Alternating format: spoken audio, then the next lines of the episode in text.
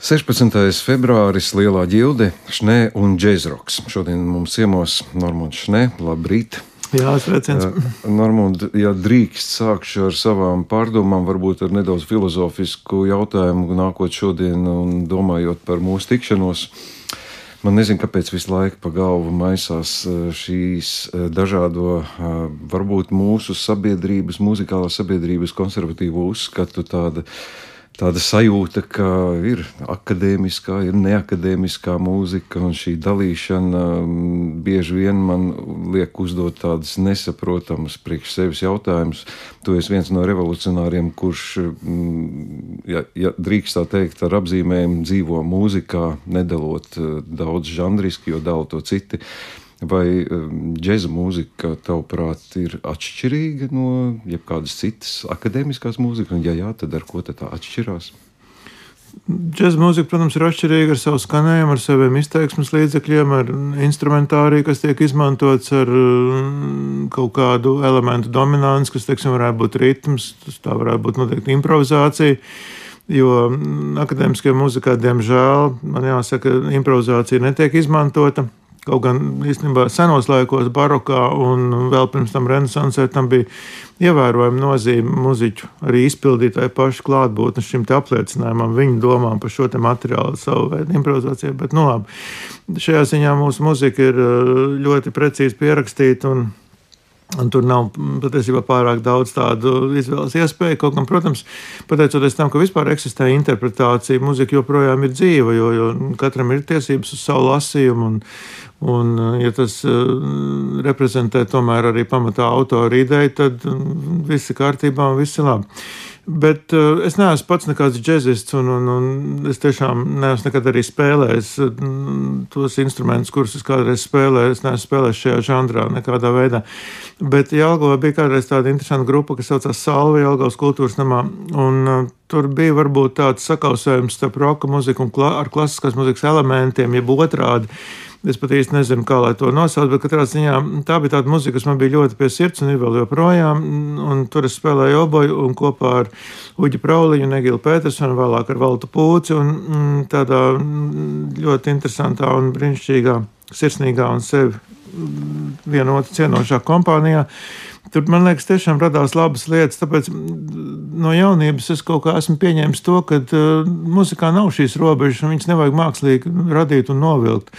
Un uh, mēs varam vienā dienā spēlēt vai klausīties uh, Haidnu vai Mocartu, un mēs varam otrā dienā spēlēt un klausīties uh, kaut ko no Čārlī Pārkera un Čikorē, un, un tas viss burvīgi iet kopā, un jo cilvēkam ir plašāks skats uz šīm lietām, jo viņa dvēsele, viņa prāts ir atvērtāk, un viņam vispār ir, man liekas, vieglāk dzīvot kopumā ņemot. Nu, tad kā tev prāt, mūsu muzikālā sabiedrība, mēs esam konservatīvi, mēs strikti dalām tomēr, vai tas ir trūkums? Pa, ja, es, es, es domāju, ka Latvijas muzikālā sabiedrība, gan tie, kas ir uz skatuves, gan tie, kas ir skatu vai otrā pusē zālē, eh, ir, ir ļoti mainījušies pēdējos apmēram 15, 20 gadus, jo mēs esam mēģinājuši rūpīgi saindēt šo savu auditoriju ar, ar, gan ar akadēmisko mūziku, gan arī ar, ar muziku, kas eh, ir radusies šajā laikā, un ir, kas ir muzika, kas, eh, kurai nav šīs sarkanās līnijas un sarkanās robežas. Un mēs ar orķestru cenšamies būt tik atvērti, cik vien tas vispār ir iespējams. Mēs aicinām tādiem būt arī mūsu klausītājiem. Un, un man vismaz ir iespējas, ka, ka viena ļoti liela daļa ir ļaujušies šiem mūsu aicinājumiem un sako mums. Tāpēc principā situācija mainās. Jo es atceros, tā, kad es sāku diriģēt, tad mm, Stravinskas svētpilsētas daudziem bija šausmas orķestrī un zālē, bet es pieņemu, ka tagad tas vairs tā nav. Un, un tas, tas liecina par pozitīvām pārmaiņām, jo tas būtu, man liekas, diezgan idiotiski. Mēs ignorējam to mākslu, kas dzimts šodien šeit mums līdzās. Tad galu galā mm, kāda vispār mākslā ir nozīme. Mēs uz kaut kādiem veciem pīšļiem tikai būvēsim savu kultūras nākotni. Tā nevarētu būt.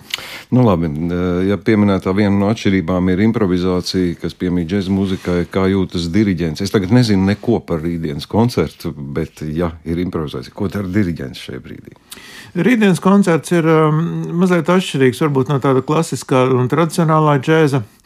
Un free jazz ir īpaši, jo tomēr šeit mūsu partijas ir uzrakstītas. Un, un visa improvizācija, kas notiek, tas ir grupas lupas ietvaros, kur viņi jūtās kā zivs ūdenī, un viņiem pietiek ar vienu acu skatu, lai viņi saprastu, ko partneris vēlas. Bet te pašā laikā tomēr muzikā ir tā labā lieta, ka blakus tam, kas uzrakstīts notīs, ir vēl ļoti daudz lietu, ko notīs īstenībā nevar uzrakstīt. Kā mēs to labi zinām, tas ir stilistika, kopējā ansambļa sajūta, šis ritma plūdums. Un, un jā, tas ir priekš mums tāda faktiski lieta, ar, varbūt, ar ko mēs nesaskaramies ikdienā, jo, jo džekam ir savs stils, ir, savs, šis swings, ir, šis grūvs, kā to sauc muziķi. Un, Un šis te mūzikas tāds tecējums, kas reizēm ir atšķirīgs no, no klasiskā. Un tāpēc mums tā ir jauna pieredze, kaut gan mēs esam spēlējuši līdzīgu mūziku, ne tieši šādu, bet līdzīgu. Tā ka nevar teikt, ka mums tas ir arī tāds pilnīgi neapgūts lauciņš, bet katrā ziņā ir ļoti interesanti katru nedēļu mazliet ar jaunu programmu paplašināt savu domāšanu un savas iespējas. Nu, kādu simfonētarīgu muziķu, akadēmiski izglītotu muziķu pulkā, nu es esmu dzirdējis, ka nav tik vienkārši, kā tu pats arī minēji, e, šis e, nu, swings, saucamā sinkopētā muzika, kas džez muzikā ir tāda diezgan maiga, mīksta, ko grūti notīs pierakstīt vai pat neiespējami, kā muziķi tiek ar to galā. Mēs, mēs mēģinām, tāpēc mēs veltam šo nedēļu mēģinājumiem, un mēs tiešām strādājam pie šīm niansēm, lai tas iespējami tuvotos šim džēza mūzikas skanējumam. Un it īpaši, protams, tas ir um, svarīgi stīgu muziķiem, jo, protams, kad šīs džēza saknes, teiksim, no Amerikas nāk, uh, tur, pamatā džēza spēlēja pūtei, saksfons, trompete, trombons, uh, ļoti reti mežraks, bet tomēr, jā. Stīgām šī artikulācija veidojās mazliet grūtāk, jo lociņš uh, ir uzbūvēts drusku savādāk nekā, nekā teiksim, pūtēja mēlī, un viss šis skaņas radīšanas veids ir atšķirīgs. Bet tomēr, uh, ja mēs skaidri zinām, kas mums ir jāpanāk, mēs, mēs cenšamies pēc tā, un, un ceturtdien redzēsim, kā mums tas izdodas. Labi. Festivāla mājaslapā noskat, noklausījos tā pareizi būtu teikt, uh, kā tu intervēji Andri Buļķi.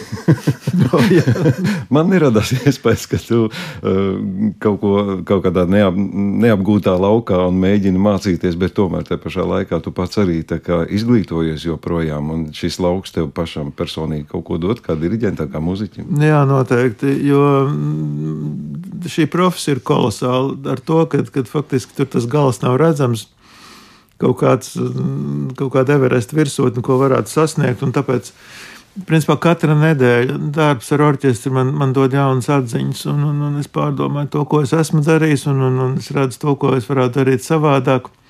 Un, protams, nerunājam par tādu muzikālo bagāžu, kas uzkrājas pati no sevis, vai mēs to gribam vai nē, un tas viss šeit kaut kur galvā, kādā atvilknītē saglabājas. Un izrādās reizēm tīri noderīgs nākotnē, kā es to esmu pārliecinājies. Tāpēc, jā, priekš manis viennozīmīgi katra šī nedēļa un katrs repertuārs tāds pagrieziens, kas mūs aizved mazliet citos ceļos, varbūt no tā, ar ko mēs nodarbojamies vairāk. Priekš manis tas ir svarīgi, un, un es no tā neizvairos. Un, ja man kādreiz prasa, kādu mūziku mājās klausies, tad man jāatklāj, ka mums mājās diezgan maz skan klasiskā mūzika, bet mums mājās diezgan daudz skan tāda mūzika, kas mm, teiksim, tā ir 70, 80 gadu roka mūzika.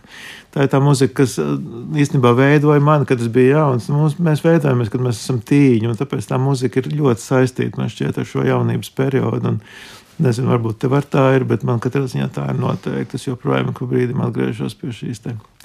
Tā nu, jau jāteic, diezgan senas, jau pirms 40 gadiem uzrakstītas mūzikas. Tā ir pazīme un diagnoze. jā, jā, noteikti. Labi par uh, Andru Buļķu mūziku rītdienas koncertā. Nu, vai tas, tā būs lupa? Papildināt ar plašāku skanējumu, plašāku instrumentāciju, vai tas tomēr būs kaut kas nedaudz atšķirīgs, kā mēs esam ieraduši no šīs grupas? Man šķiet, ka tas tomēr būs atšķirīgi, jo viņu skanējums eh, pamatā bez orķestra ir, ir savādāks. Viņi ir tādi um, asi nepieradināti daudzos gadījumos, man šķiet, un Andra idejas un temperaments tur, protams, laužās ārā katrā taktī. Šeit um, tomēr tā, tas, tā ideja bija tāda, ka tas ir tāds simfoģēs, tas tāds žāns, kas arī Latvijā bija diezgan izplatīts 60. gadu sākumā, kad bija Rīgas estrādes orķestris, Ringolds Ūra, kad Remons Pauls sāka savus gaitas un, un, un tāds stīgu skanējums, jā, ar, ar, ar tā, tāda, un, un, un kur pievienot, protams, arī pūtē, bet, bet šis stīgu neatdarināmā skaņa, ne ar ko faktiski viņi nevar imitēt ne ar kādiem elektroniskiem līdzekļiem. Lūk, tā ir tā, man liekas, lielākā vērtība. Un, un tas arī šeit ir tā tāds nu, tiešām pamats un, un kopā ar grupu. Un, un riti. Bet uh, fakts, ir, ko es gribētu atzīmēt, ir tāds, ka, protams, Andrim pēc idejām kabatā nav jālien. Un, un, un viņš īsā laikā pirmoreiz mūžā uzrakstīja visu šo programmu 12 skaņdarbus orķestriem, partitūru. Nu, tiešām viss. Viņš pats vien. to instrumentēja. Jā, jā, jā, tur faktiski, bez, man liekas, viņam kāds varbūt palīdzēja ar datorprogrammas izmantošanu, bet viss radošā puse ir viņa darbs, un vienkārši tas ir fenomenāli, kā cilvēks var viens ar to tikt galā. Nu, kā Andris Buļķis teica, mm, elektronika nedrīkst būt noteicošā, bet bez tās arī nevar iztikt. Cik lielā mērā elektrība būs svarīga rītdienas koncertā? Nedaudz būs, um, jo tur ir izmantot vietām elektroniskā ritma mašīna, un, un kā tāds efekts vairāk var būt. Jā. Un tad arī instrumenti ir interesanti apstrādāt reizēm ar elektroniku, gan saksofons, gan basģitāru. Protams, ir izmantots sintetizators, viss pasākums ir nedaudz apskaņots. Tā kā jā, elektrībai būs nozīme. Mm -hmm. Ja tu minēji par to, cik tev ir svarīga dažādo žanru muzicēšana, vai pats simfonēta orķestris arī mainās pateicoties šādiem, nu, gan rītdienas, gan arī daudziem citiem, varbūt žanriski cit, citādākiem vai orķestra muziķi mainās, izglītojas? Jā, es domāju, ka noteikti mainās, jo it īpaši spēlējot šādas nu, uz džēzu orientētas programmas, jo tas ir tas, ko, diemžēl, mūsu akadēmiskā izglītībā nemācīt nemaz. Jo mums nav, es nezinu, varbūt tagad ir, bet, bet es stipri šaubos, vai nu, akadēmijā māca improvizāciju vai vai, vai kaut ko spēlēt tam līdzīgi. Man šķiet, ka tomēr nē. Un, un tāpēc tā ir pilnīgi jauna pieredze, un jebkurā jauna pieredze mums padara bagātāks. Tā var teikt, jā, Martis noteikti mainās pēc šādām programmām. Bet vai turpinājumā orķestris piekops to pašu politiku, ko visu laiku varētu teikt, žanru dažādība, tā tad netiks atmesta un kaut kāda cits virziens jau netiks izvēlēts, vai ne? Principā man šķiet, ka mums nav citas izējas, kā turpināt šo.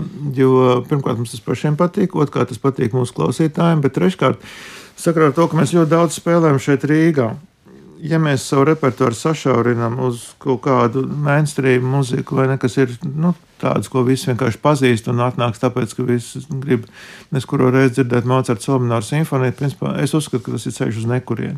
Mums ir jāpatur savus repertuārus atvērt, cik vien tas ir iespējams, un, un tad mēs būsim interesanti, jo klausītāji varbūt ne, ne visu to, ko mēs darām, nu, viņi fano par to, bet šajā laikā viņiem, viņi ir viņi pieraduši gaidīt kaut ko tiešām nedzirdētu. Viņi nāk uz koncertiem, manuprāt, viena liela daļa tāpēc, ka viņi zina, ah, es to nezinu, bet man ir interesanti uzzināt, kas tas būs. Jo, viņi, jo mūzikā ir daudz tādu pagrieziena punkti, kuri nav, nav zināmi, nav dzirdēti, bet tas nozīmē, ka tā ir slikta vai nevērtīga. Mūzika šodienas pasaules rodās ār, ārkārtīgi daudz, ļoti daudz. Un, Un es ticu, ka arī mums daudz kas paliek vēl aiz kadra, un, un tas, ko mēs vienkārši nezinām, nepamanām, varbūt, bet mēs cenšamies tiešām tā, lai, lai ir kaut kāda tāda iespējama, iespējama liela dažādība mūsu programmās. Es mazliet tās veidos ar jautājumiem konkrētajos un filozofiskajos. Vai jāsagatavo ir klausītājs rītdienas koncertam? Tur jāzina, cik kā lielās formas, mazās, kas tas būs. Nu, pa formu es varu teikt, tā ir tāda svīta, gandrīz vai jā, 12 daļas, bet uh, tie tādas, tādas ainiņas no dzīves, atmiņas, kaut kādi redzējumi, sajūtas, emocijas. Atsakot, tas, kas vispār mūzikā ir, tur, tur tādā ziņā. Andra, tie skatījumi tās ir tādas, jā,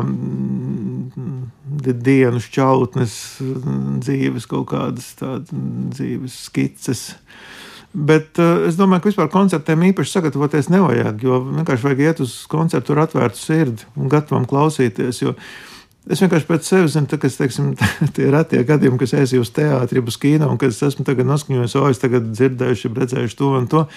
Tie viņi sagādā kaut kādu vilšanos, bet tagad vienkārši ej un uztver, gatavs uztvert to, ko tev rāda, stāsta vai spēlē. Man šķiet, ka tas, tas ir tas vislabākais, un, un tas arī nodrošina tādu tiešām baudījumu un Tāpēc man šķiet, ka īpaši tā kaut ko gaidīt nevajag. Tad nevajag ar blociņu sēdēt un atzīmēt, šī bija septītā miniatūra, šī devītā un trīs būs. nē, nē, nē. Vajag vienkārši noklausīties un tad pēc koncerta ļauties foršai pēcgaršai.